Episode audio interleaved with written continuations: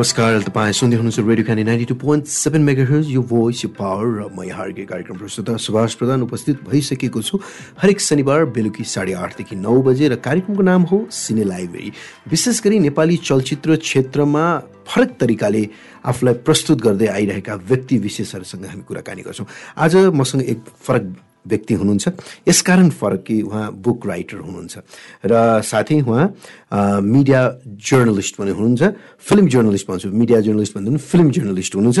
जीवन कुमार पराजुली र उहाँले लामो समय डेढ दशकदेखि नै नेपाली कला र मनोरञ्जन क्षेत्रमा चाहिँ आफ्नो पत्रकारिताको कलमहरू चलाइराख्नु भएको छ र धेरैवटा मुभीको प्लानिङ्स गर्नुहुन्छ स्ट्राटेजिज बनाउनुहुन्छ फिल्मलाई कसरी बजारसम्म लिएर आउने दर्शकसम्म कसरी पुग्ने भन्ने खालका कुराहरू चाहिँ उहाँले बनाउनुहुन्छ।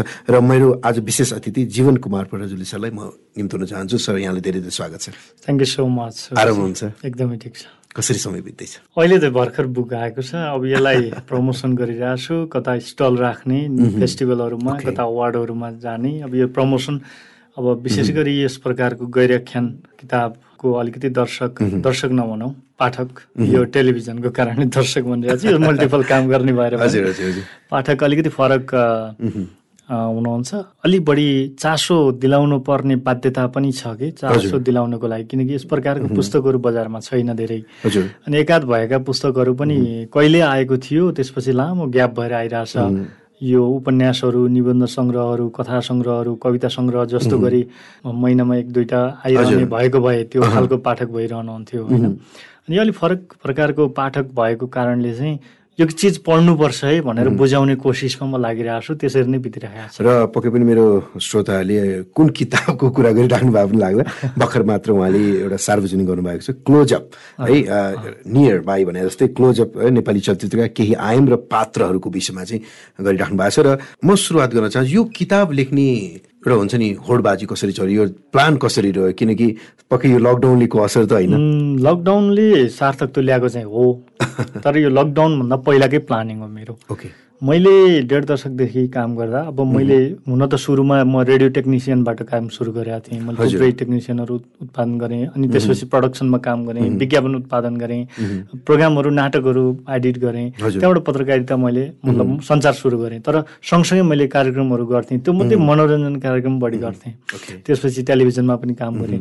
केही अनलाइनहरूमा काम गरेँ केही पत्रिकाहरूमा पनि लेखेँ होइन नेपाल टेलिभिजनमा पनि काम गरेँ। त्यतिखेर गर्ने क्रममा मेरो अरूभन्दा अलिक फरक तरिकाले काम गर्ने सोच हुन्थ्यो जहिले पनि होइन।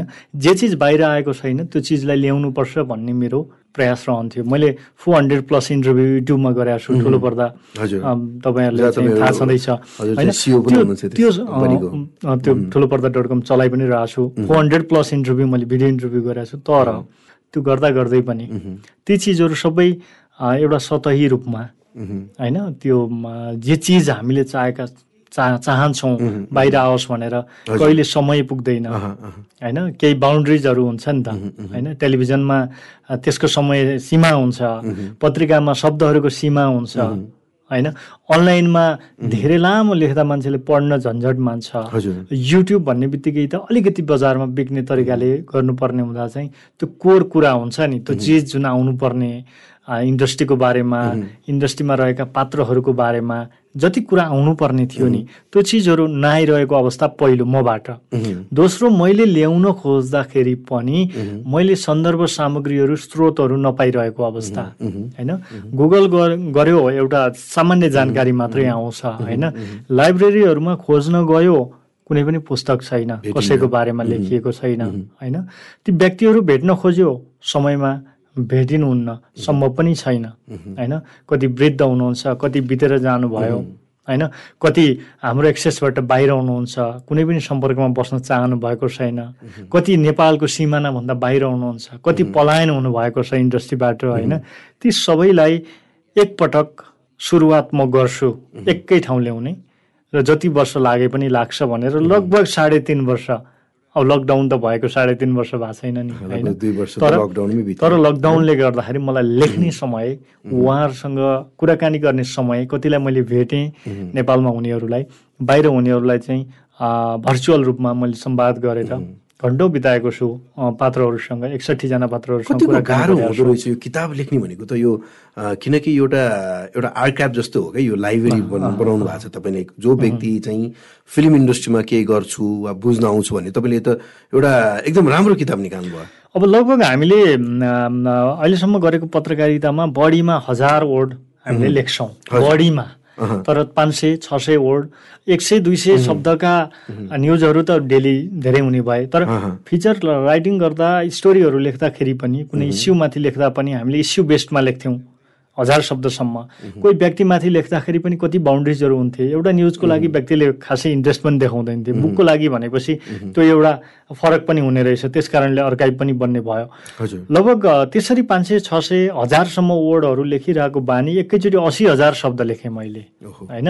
असी हजार शब्द लेख्दाखेरि दुःख त धेरै नै गाह्रो धेरै नै। मैले जे सोचेको थिएँ त्योभन्दा बिल्कुल फरक हुने रहेछ। यो मैले पहिलो कृति हो। होइन? मैले पहिलो अब अर्को खण्ड यो त पहिलो खण्ड हो। अर्को खण्ड लेख्ने क्रममा चाहिँ मलाई यसका लागि भोगेका कठिनाइहरू हुँदैनन्। किन भन्दा मैले त्यो अनुभव लिइसकेँ होइन? हामीले जे सोध्छौँ नि अहिले हेर्दाखेरि तिन सय त्रिसठी पेजको एउटा सानो किताब देखिन्छ होइन? यो किताब ए यस्तो लेखेछ सर लेखेछ भन्ने हुन्छ। तर यो भित्र जो जसले बुझ्छ जो यो भित्र पस्न सक्छ त्यसले मात्रै त्यो दुःखहरू केलाउन सक्छ त्यो समस्याहरू केलाउन सक्छ। तपाईँलाई एउटा इक्जाम्पल दिउँ। यस किताबकी एउटा प्रमुख पात्रमध्ये एक तृप्ति नाडकर जो मुम्बईमा हुनुहुन्छ अहिले उहाँलाई सम्पर्क गर्न मलाई छ महिना लागेको छ। छ महिनासँग उहाँको सम्पर्क खोज्न घुमिराखेका थिएँ म। उहाँको पनि ठुलो योगदान छ नेपाली चलचित्र छ महिना ठुलो योगदान छ। हामीले कुसुमी रुमाल भन्ने बित्तिकै तृप्ति नाडकर सम्झिन्छौँ अरू थुप्रै फिल्महरू छ होइन? जसले सिनेमालाई चिनाउनु भयो जसले आज पनि अमर अजर सिनेमा दिनुभएको छ। नेपाली सिनेमा क्षेत्रलाई कायापलट गर्ने सिनेमा दिनुभएको छ होइन? उहाँ हामीबाट टाढा हुनुहुन्छ। हाम्रो इन्डस्ट्रीबाट पर बस्नु भएको छ समाचारबाट पर बस्नु भएको छ गसिपबाट पर बस्नु भएको छ स्टोरीहरू इस्युहरूबाट पर बस्नु भएको छ। मैले खोज्ने प्रयास गरेँ मैले खोजेँ। खोज्न छ महिना लाग्यो कुराकानी त आधी घन्टा भयो नि। आधी घन्टा एक घन्टा समथिङ भयो होला। कुराकानी एक घन्टा भयो एक घन्टाको कुराकानी यहाँ आयो। मान्छेले एक घन्टा कुरा गरे रहेछ यति यति हजार शब्द लेखेर रहेछ। त्यो तर मैले छ महिना लागेको छ कि उहाँलाई भेटाउँ भनेको यो एउटा इक्जाम्पल मैले दिएँ एउटा एउटा किताब लेख्दाखेरिको रिसर्च होइन? किनकि कुनै पनि किताब वा लेखनमै यदि हेर्नुहुन्छ भने अध्ययनको धेरै ठुलो महत्त्व हुन्छ। धेरै ठुलो। हामी भनिन्छ नि वी जस्ट ट्राई टु जज a person with is colour भने जस्तो हो। एउटा किताब रहेछ ए ठिकै रहेछ के हो? कसो हो? फिल्मको कसोको विषयमा? तर यहाँभित्रको एउटा स्टोरी नै अर्कै छ जस्तो लाग्छ है। पक्कै भने यो मैले मैले यो किताब मैले आफैले फेरि एडिट गर्ने बेला पटक पटक पढेँ होइन? अहिले पनि पढ्छु फेरि फर्काएर कति कुरा बिर्सिन्छ नि त आफैले लेखेको पनि। असी हजार शब्द छ सबै कण्ठ त हुँदैन नि।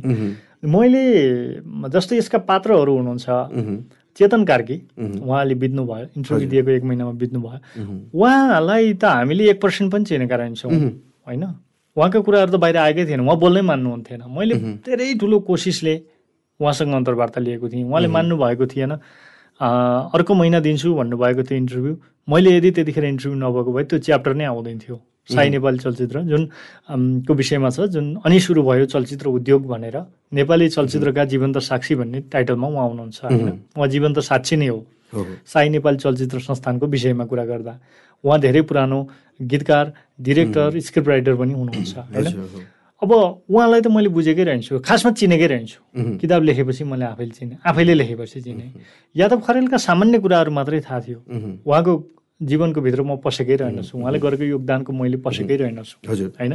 त्यस्तै राजेश हमाललाई त मैले दस पर्सेन्ट पनि चिनेको रहेनछु। केही बिस पर्सेन्ट यो किताबमा आएको होला। पचास पर्सेन्ट उहाँको बायोग्राफी आउँदैछ उहाँको आउला। बाँकी पचास पर्सेन्ट राजमै रहन्छ। होइन? कति कुरा खोल्नुहुन्न होला आफ्नो लाइफको। र यसमा जति कुरा आएको छ त्यो पनि मैले के पनि थाहा रहन्छ त्यसमा जोडिएर आउने पात्र करिश्मा मानन्दर नारायणपुरी होइन त्यसै गरी दयराम दाहाल जसले पच्चिसवटा सिनेमा गर्नुभएको छ राय समालसँग जोक होइन नि पच्चिसवटा सिनेमा एउटा स्टारसँग गर्ने होइन त्यो समयमा। त्यस्तै राजेन्द्र सलभ हुनुहुन्छ जसले चारवटा सिनेमामा दुईवटा राजा समालसँग काम गर्नुभएको छ होइन प्रतिनिधि रूपमा उहाँहरूलाई राखेको छु। लामो समय सहकार्य गर्ने करिश्मा मानन्दर हुनुहुन्छ।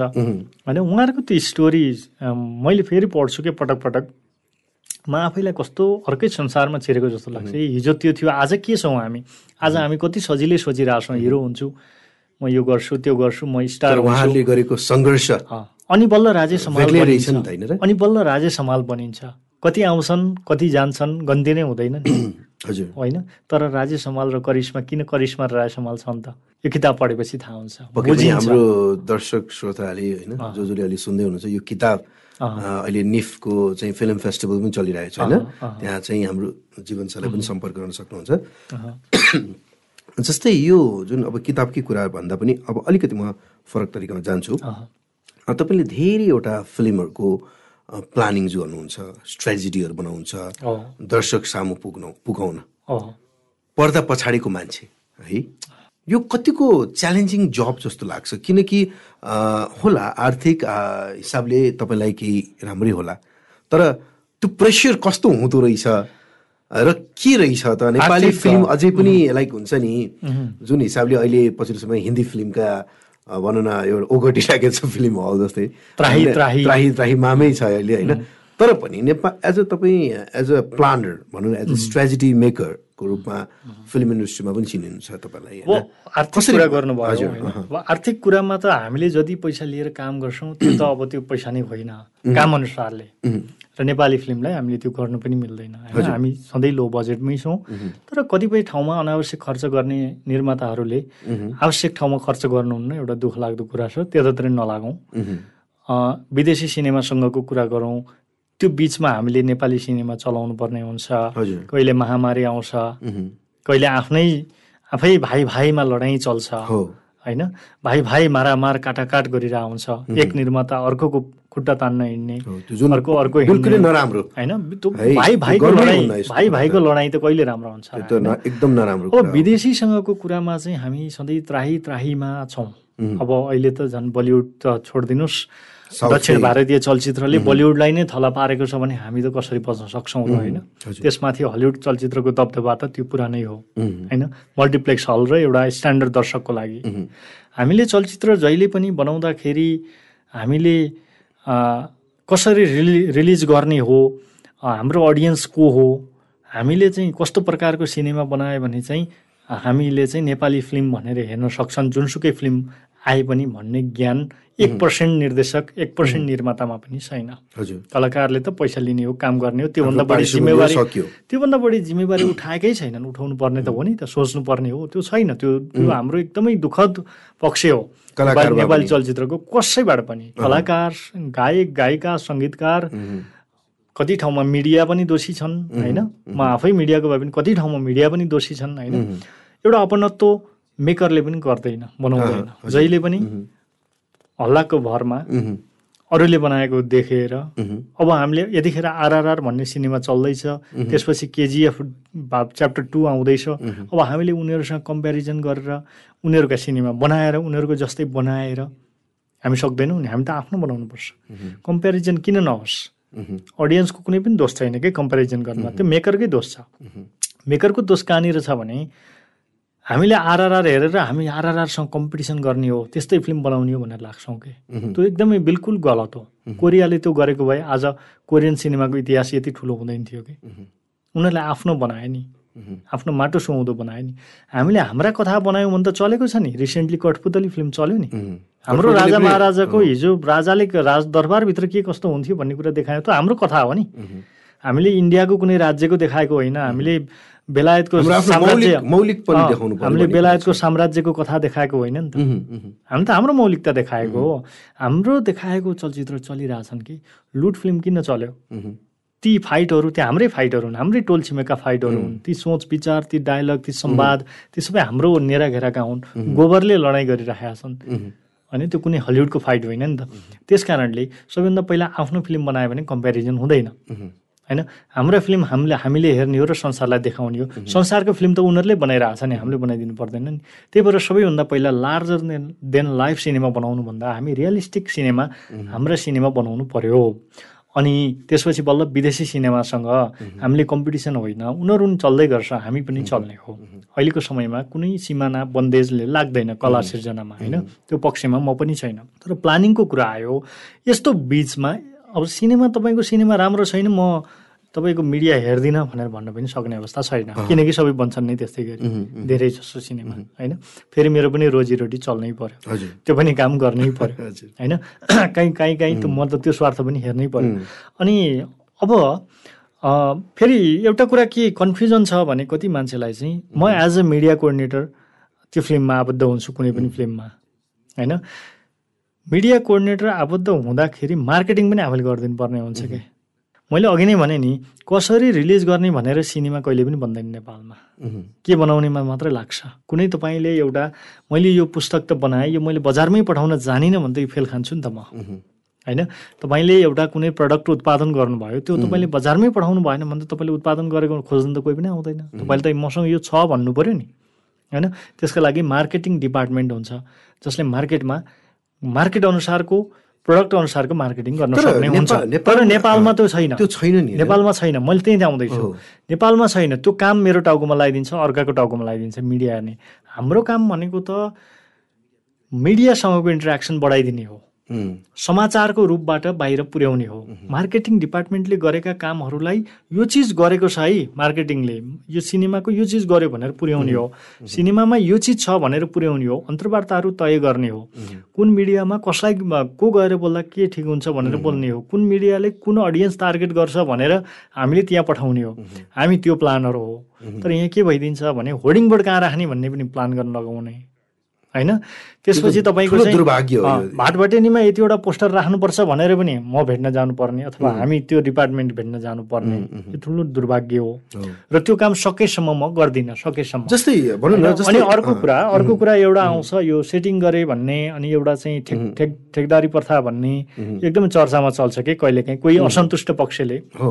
मिडियामा जुन विज्ञापन हामी दिन्छौँ अनलाइन पोर्टलहरूमा पोस्टर छाप्छौँ ब्यानर छाप्छौँ पत्रिकामा विज्ञापन छाप्छौँ टेलिभिजनमा प्रोमोहरू देखाउँछौँ रेडियोमा प्रोमोहरू गीतहरू बजाउँछौँ प्रमोसनका विभिन्न तरिकाहरू छन् मिडियामा होइन?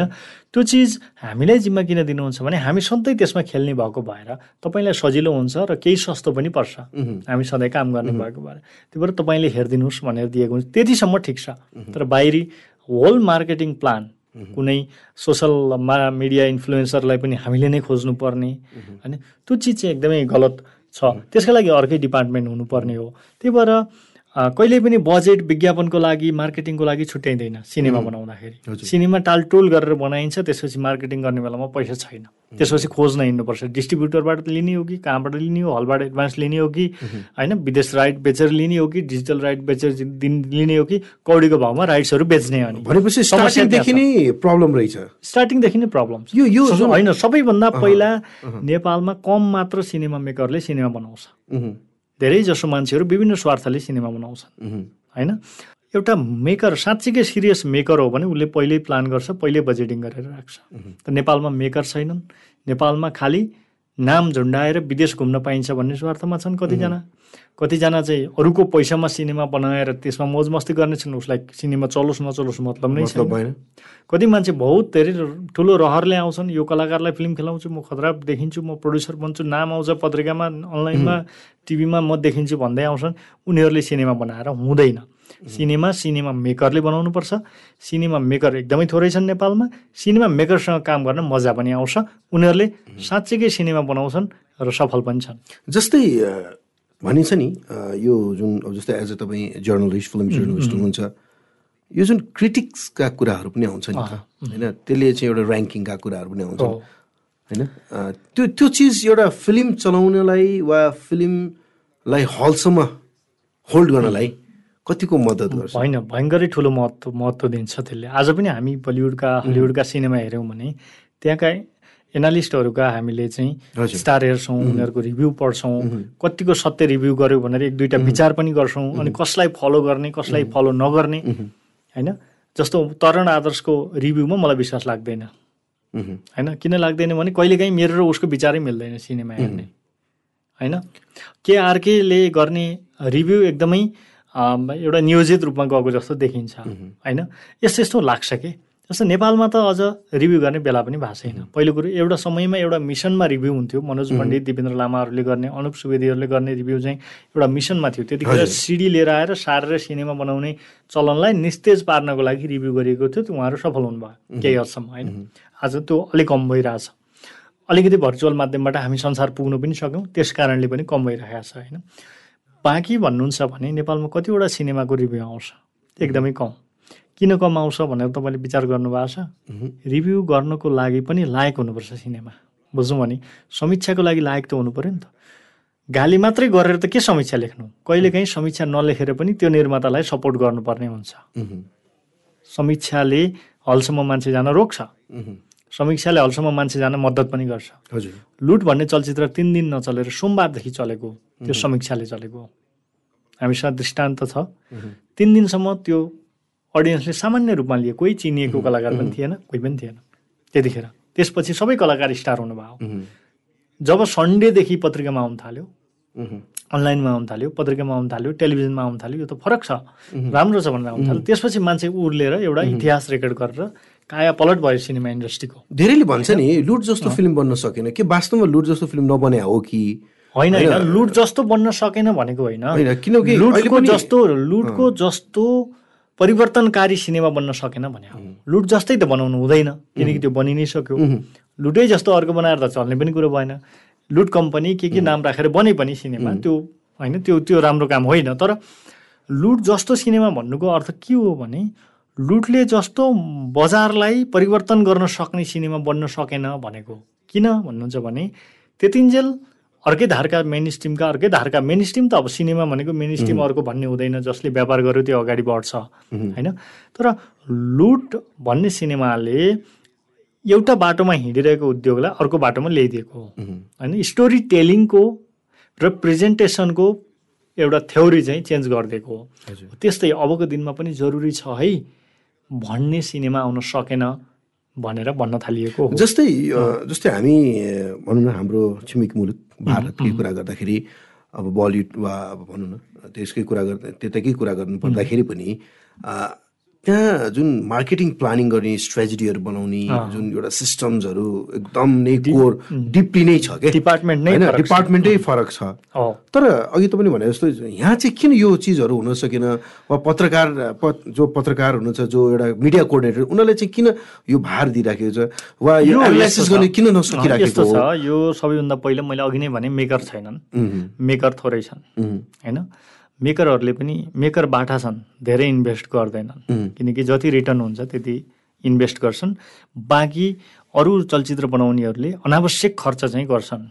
होइन? सुटिङमा डेली तपाईँको चाहिँ अनावश्यक खर्च जाँड रक्सी यस्तोमा खर्च चाहिँ गर्छन्। होइन? त्यसपछि सामान्य पैसा दिए हुने कलाकारलाई महँगो रकम तिर्न पनि तयार हुन्छन्। होइन? अनि अनावश्यक रूपमा विदेशमा गएर सुटिङ गर्न तयार पनि हुन्छ। होइन?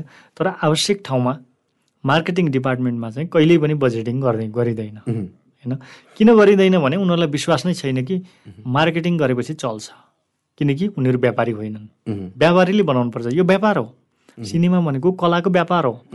कला संस्कृति जोगाएर त्यसलाई प्रचार प्रसार गर्दै आम्दानी गर्ने व्यापार। यो त आर्थिक अर्थतन्त्रमा देशको अर्थतन्त्रमा निकै ठुलो हिस्सा गर्छ सिनेमा इन्डस्ट्रीले अरू देशमा। नेपालमा मात्रै अर्थ मन्त्रालय राष्ट्र के अरे हाम्रो अर्थ मन्त्रालय अर्थमन्त्रीलाई थाहा छैन कि सिनेमाको बजार कत्रो हुन्छ भनेर। किनकि उनीहरूले अध्ययनै गर्दैन। अस्ति मैले अध्ययनै गर्दैन। अस्ति मैले आकाश अधिकारी दाइसँग कुरा पनि गरिराख्दाखेरि चाहिँ उद्योग भनिएको छ तर उद्योग बन्न सकेको बन्न सकेको छैन। किन भन्दा राज्यले चासो दिएको छैन। राज्यले चासो तब दिन्छ जब त्यहाँ व्यापारी हुन्छन्। यहाँ त व्यापारी छैनन्। यहाँ त विभिन्न स्वार्थबाट प्रेरित विभिन्न स्वार्थबाट सिनेमा बनाउने सिनेकर्मीहरू भनेर हिँड्ने बिल्ला भिरेर हिँड्ने धेरैजना छन्। त्यस कारणले उद्योग बन्न सकेन। उद्योग बन्नको लागि त व्यापारीहरू चाहियो नि त। नाफा दिनु पर्यो नि त। अनि बल्ल उद्योग हुन्छ। नाफामूलक व्यवसाय हुनु पर्यो नि त। तर हामी नाफामूलक व्यवसायमा छैनौँ। वर्षमा दुईवटा तिनवटा सिनेमा चलेर नाफामूलक व्यवसाय भनिँदैन त्यस कारणले पनि राज्यले चासो नदिएको। त्यसका लागि यो क्षेत्रमा काम गर्ने सम्पूर्ण जिम्मेदार छन्। जस्तै तपाईँ चलचित्र पत्रकार सङ्घ नेपालको होइन केन्द्रीय कार्य समितिको एक कार्यक्रममा चाहिँ सह कोषाध्यक्ष भएर पनि जिम्मेवारी वहन गर्नुभयो होइन। विशेष गरी उपाध्यक्षमा हुनुहुन्छ होइन। चलचित्र पत्रकार सङ्घमा कस्तो भइरहेछ? कस्तो कस्तो हाम्रो पत्रकार साथीहरूलाई कतिको फेसिलिटिजहरू भइरहेको छ। किनकि उहाँले मैले यो किन भनिरहेको छु जस्तो कोभिडको टाइमपछि चाहिँ भनौँ न फिल्महरू नबनिराख्दाखेरि उहाँहरूको आर्थिक आर्जन पनि हिसाबले सायद कमै भयो होला। इभेन्ट्सहरू कम छ होइन जुन हिसाबले यस्तो छ अब कोभिडको समयमा त चलचित्रको मात्रै होइन। चलचित्रको भन्दा बढी अरू पत्रकारहरू मारमा परे कति मिडिया हाउस बन्द भए कति मिडिया हाउसले स्टाफ कटौती गर्यो कसैले पनि त्यो भन्न सक्ने अवस्था रहेन किन कटौती गर्यो भनेर किनकि व्यापार छैन होइन? ठुला ठुला मिडिया हाउसहरू बन्द भए थुप्रै पत्रिकाहरू मनोरञ्जन क्षेत्रका त अझ कति बन्द भए त्यो सबैतिर छ चलचित्र मात्रै होइन। हामीले हेर्दा चलचित्र हाम्रो क्षेत्र भएर लागेको हो। तर हामीले त्यो बिचमा पनि कोभिड कालमा पनि हामीले विभिन्न एउटा हौसला दिने कार्यक्रमहरू चाहिँ गऱ्यौँ होइन? जस्तै एउटा आर्टिकल कम्पिटिसन गरेका थियौँ हामीले। त्यसबाट हामीले आर्थिक पुरस्कार आर्थिक रकमसहितको पुरस्कार राखेका थियौँ। थुप्रै देशभरिबाट आर्टिकलहरू आएका थिए। त्यसको म वान अफ दि जज पनि थिएँ होइन? अन्य थुप्रै जजहरू पनि हुनुहुन्थ्यो। हामीले चाहिँ एउटा त्यो पनि गरेका थियौँ अनि बिचमा हामीले चाहिँ केही वर्कसपहरू पनि गरेका थियौँ होइन? अनि त्यसपछि तपाईँको चाहिँ अब अहिले जेठ सात गते हाम्रो स्थापना दिवस छ। त्यसका लागि पनि हामी तयारी गरिरहेको छौँ आज मात्रै बैठक बसेर आएको म होइन? हामीले त्यसका लागि पनि विभिन्न कार्यक्रमहरू गर्ने उत्साहपूर्ण कार्यक्रमहरू गर्ने पुरस्कार सम्मान तिन वर्षको एकैचोटि गर्ने कार्यक्रमहरू रोकिया छ होइन? त्यो गर्ने अझै पहिलाभन्दा बढी पुरस्कार रकम बढाएर गर्ने भन्ने निर्णय पनि गरेका छौँ एउटा हौसला प्रदान होस् भनेर पनि गरेका छौँ होइन? अब कतिपय पत्रकार साथीहरू विस्थापित पनि हुनुभयो। अब चलचित्र पत्रकार सङ्घले उहाँहरूलाई उहाँले खाइपाइ आएको तलब व्यवस्था गर्ने त होइन त्यो त होइन तर हामीले राहत सामग्रीहरू वितरण गर्ने उहाँहरूको चाहिँ पेसा बन्द हुँदाखेरि चाहिँ उहाँहरूको दैनिकी चाहिँ नरोकियोस् एटलिस्ट हामी बचौँ त्यसपछि अरू सोचौँला भनेर हामीले चाहिँ उहाँहरूलाई लामो समयसम्म पुग्ने खाद्यान्न त्यसपछि कतिलाई आर्थिक होइन कतिलाई चाहिँ तपाईँको चाहिँ मोरल सपोर्ट हामीले धेरै गरेका थियौँ होइन। त्यो क्रम अझै पनि जारी छ र अब रिभाइभ हुँदैछ। अब सायद यो कुराहरू यो वर्षदेखि चाहिँ स एउटा स होइन बन्द हुन्छ। यस्ता कुराहरू यस्ता अप्ठ्याराहरू आउँदैनन् भन्ने लाग्छ। अब हेरौँ त्यही पनि भर छैन नेचरको जे पनि हुनसक्छ। तर जे होस् एकदम पोजिटिभ चाहिँ हामी सबैजना रहनुपर्छ। थ्याङ्क यू सो मच जीवन कुमार सर है। तपाईँ यति व्यस्त हुनुभएको छ। तपाईँको किताबको लागि पनि अग्रिम शुभकामना फेरि पनि रेडियो क्यान्डिडेट साथै खबर अपको परिवारबाट पनि होइन। र पक्कै पनि जुन उद्देश्यले तपाईँ फिल्म क्षेत्रमा लाग्नु भएको छ as a promoter strategy maker अब बुक राइटरै भनौँ न होइन। हरेक काममा चाहिँ सफल मिलोस्। थ्याङ्क यू सो मच क्यान्डिडेटलाई खबर परिवारलाई धेरै धन्यवाद। मेरो केही कुराहरू राख्न दिनुभएकोमा। अब कुराकानी त जति गरे पनि सकिँदैन घन्टौँ दिनभरि रातभरि पनि कुरा गर्न छोटो समय छ तर हामीले इफेक्टिभ कुराहरू इफेक्टिभ कुराहरू गऱ्यौँ जस्तो लाग्छ। कति कुरा त छुट्या छ होइन? म पनि पहिला रेडियोको एउटा बााउन्ड्रिजमा बसेर काम गरेको मान्छे। मैले अघि नै पनि भने कति बााउन्ड्रिज हुन्छ जुन चिज बाहिर ल्याउनै सकिँदैन। सो द्याट मैले किताब लेख्नु पर्या हो। होइन किताबमा धेरै कुराहरू स्पेस दिन सकिन्छ र हुँदा हुँदै पनि कति पेज बढी भयो भनेर घटाउनु पर्ने हुँदो रहेछ। बााउन्ड्रिज जहाँ पनि छ। र यो कुराकानी राख्ने मलाई यो अवसर दिनुभयो। यो जति पनि रेडियो सुन्नुहुन्छ उहाँहरू सम्पूर्णलाई किताब क्लोजअप किनेर पढिदिनु होला एउटा चलचित्रको विषयमा जानकारी राखिदिनु होला भन्न चाहन्छु। त्यसै गरी पोडकास्ट जो जसले सुन्नु सुन्दै हुनुहुन्छ संसारभरबाट। उहाँहरूलाई पनि यो यही सेम अनुरोध गरेँ। र जहाँ जहाँ जुन जुन प्लेटफर्ममा यो यो कुरा सुनिरहनु भएको छ उहाँहरू सम्पूर्णले अब केही समयमै अमेजनमा पनि यो बुक अभाइलेबल हुँदैछ। नेपालमा दराजमा छ त्यसै गरी किताब यात्राले गरिरहेको छ र केही फिजिकल ठाउँहरूमा पनि अभाइलेबल छ। थ्याङ्क यू सो मच सम्पूर्ण पाठक श्रोता त्यसै गरी मेरा अडियन्सहरू दर्शकहरू पनि हुनुहुन्छ उहाँहरूलाई पनि र तपाईँलाई धेरै धन्यवाद यो समय यो मेरा कुरा राख्ने अवसर दिनुभएको हजुर thank you so much thank you उहाँ हुनुहुन्थ्यो जीवन कुमार पराजुली र पक्कै पनि आजको जुन इन्टरभ्यू रह्यो विशेष रह्यो यसकारण कि उहाँले भर्खर मात्र क्लोजअप नामक चलचित्र रिलेटेड किताब निकाल्नु भएको छ र उहाँलाई अग्रिम शुभकामना दिँदै म यहाँहरूमा बिदा हुन चाहन्छु। सुन्दै गर्नुहोस् radio Candy ninety two point seven mega यो भोइस यो पावर गुड नाइट